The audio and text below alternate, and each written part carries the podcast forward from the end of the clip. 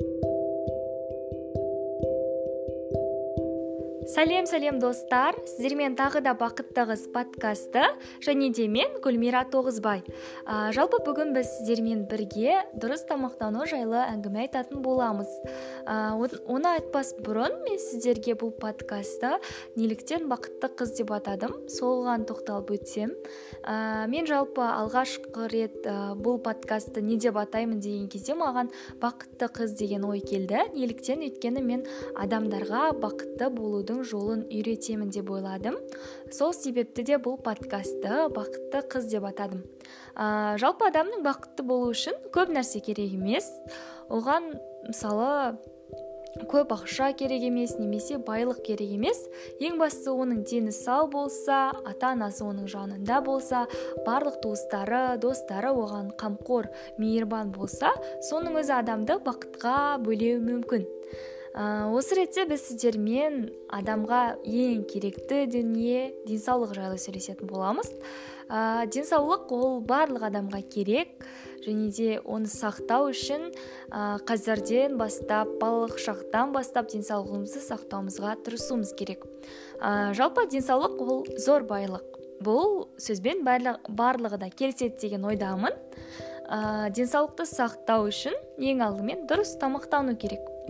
Ә, бір ғұламаның айтқан сөзі бар екен. Жалпы сен қазірден бастап ден, ә, әр жеген затыңа ә, мұқият қарайтын болсаң оны реттеп отыратын болсаң болашақта саған ешқандай да ауру жұқпайды ешқандай да саған ауру келмейді деген екен. Яғни сен ешқандай да ауырмайсың. Ә, сол үшін де қазірден бастап сіздер әр жеген заттарыңызға мұқият болыңыздар. Көбінесе зиянды заттарды пайдаланудан аулақ болыңыздар. Өйткені зиянды заттар олар сізді мысалға кейбір кезде болады өзіміз бір мысалға горелла ішкіміз келіп тұрады или сондай энергетикалық сусындар ішкіміз келіп тұрады. Иә ондай кезде рұқсат беруімізге болады бір рет қана. Ал бірақ одан кейін уже оны әдетке айналдырып күнделікті сол сусынды ішу ішу арқылы біз ағзамызды ластай алмаймыз ағзамызды ауруға шалдықтыра алмаймыз. Өйткені бәрімізге де денсаулық керек. Сол үшін де біз дұрыс тамақтану ережелерін сақтауымыз керек деп ойлаймын. Ал ендеше бастайық. Ә, жалпы мен дұрыс тамақтану яғни маман емеспін дұрыс тамақтануды үйрететін. Ә, бірақтан да сондай тамақтану туралы ғылымның ә, мамандары жалпы осындай дұрыс тамақтануды әртүрлі адамдарға қарай бөледі екен. Яғни бірінші адамдарды топтарға бөліп алады сосын сол топтарға қарай дұрыс тамақтану ережелерін ұсынады екен. Мысалға кейбіреулер артық салмақтан арыла, алмай жатады. Оларға сондай жаңағыдай дұрыс тамақтану ережесі арқылы артық салмақтан арылудың жолын көрсетеді. Ал кейбіреулер салмақ қоса алмай жатады оларға салмақ қосудың жолын көрсетеді. Жалпы мен сіздерге бүгін ондай артық салмақтан арылудың немесе сізге салмақ қосудың жолдарын көрсетпеймін. Жай ғана барлығымызға ортақ тамақтану ережелерін айтатын боламын. Ә, жалпы ең бірінші ереже ол күнделікті таңертең бір стакан су ішу. Ә, жалпы ол суды ә, суға сіз мысалы бал немесе лимон қосып ішсеңіз де болады. Ол өз еркіңізге байланысты. Ә, бірақтан да міндетті түрде бір стакан су ішіп одан кейін жарты сағатқа дейін еш нәрсемен тамақтанбай тұрсаңыз болады. Ә, себебі біздің ағзамыз елу бес жетпіс проценті судан тұрады. Және де біздің ағзамызға зат алмасуға да тікелей су қатысатындықтан ә, біз көбірек суды пайдалануымыз керек. Және де сіз күнделікті таңертең су ішу арқылы асқазаныңызда қалып қалған әртүрлі қоқыстар болса түрлі заттар болса солардың бәрін ә, тазалайсыз осы су арқылы. Ә, және де сіз мысалға таңертең күнделікті ә, жылы су ішсеңіз де болады. Жалпы негізі қайнаған су ішсеңіз ол сізге пайдалырақ болады. Міндетті түрде ыстық су емес кішкене ғана жылы су немесе салқын су болса да болады. Ә, және де күн күнделікті сіз таңнан кешке дейін міндетті түрде ә, бір жарым литр көлемінде су ішуіңіз керек. Ол мысалға сіз ішетін сусындардан ә, шайдан мысалы шырыннан бөлек болу керек. Өйткені олардың бәрі мысалға ә, шырындарды алатын болсақ олар сіздің ағзаңызға тағам ретінде барады. Яғни су емес сіз күнделікті таза суды міндетті түрде бір жарым литрден аз ішпеуіңіз керек. Ә, одан кейінгі бізде тағы бір ереже. Ол күнделікті 4-5 рет тамақтану. Кейбіреулер айтып жатады ой мен төрт бес рет тамақтансам семіріп кетемін ғой деп жатады. Ә, жоқ мүлдем семірмейсіз. Ә, өйткені сіз бес рет тамақтанған кезде бес рет тойып тамақтанбайсыз. Яғни аз аздан ғана мысалы таңертең жай ғана кофемен ә, бір тәтті жеп алсаңыз сосын түске қарай негізі түсте жақсы тамақтану керек адам. 12 мен екінің арасында мысалы сіз ә, жақсы бір тағам жеп пайдалы одан кейін оған қоса салат сосын бір дәмді сусын ішіп алсаңыз соның өзі жеткілікті.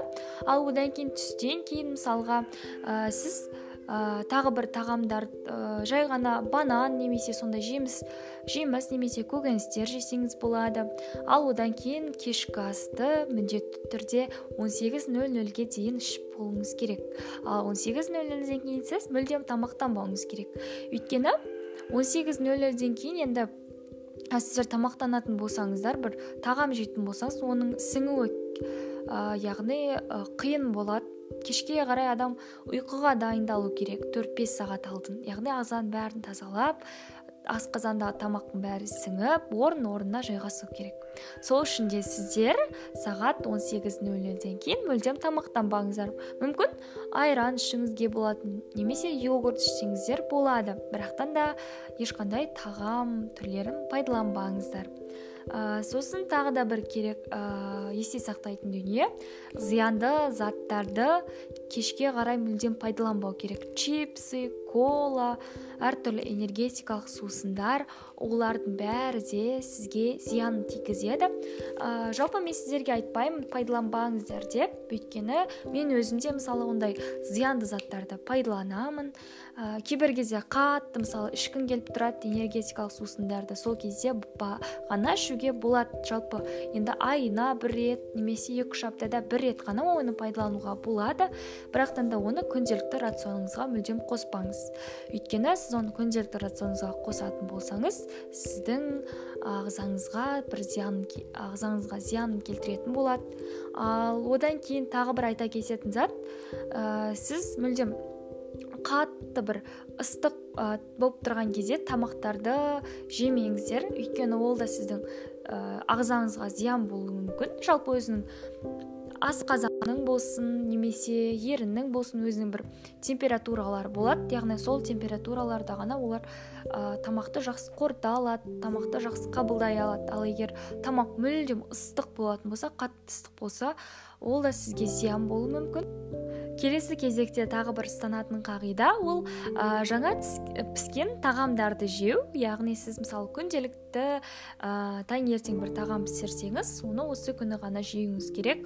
Ал одан кейін оны екі үш күн бойы мұздатқышта сақтап одан кейін барып оны жеуге болмайды. Өйткені ол кезде ол қаншалықты бір құнарлы тағам болмасын оның құнарының бәрі жоғалып кетеді дәрумендердің бәрі кетіп қалады.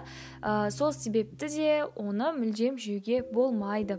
Ә, сосын тағы бір айта кететін зат жалпы күнделікті газды сусындарды көп қабылдауға болмайды.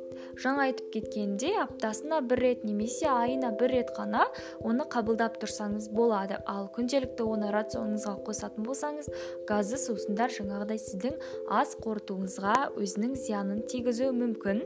Ә, жалпы негізі осы дұрыс тамақтануға байланысты негізі түрлі ережелер бар.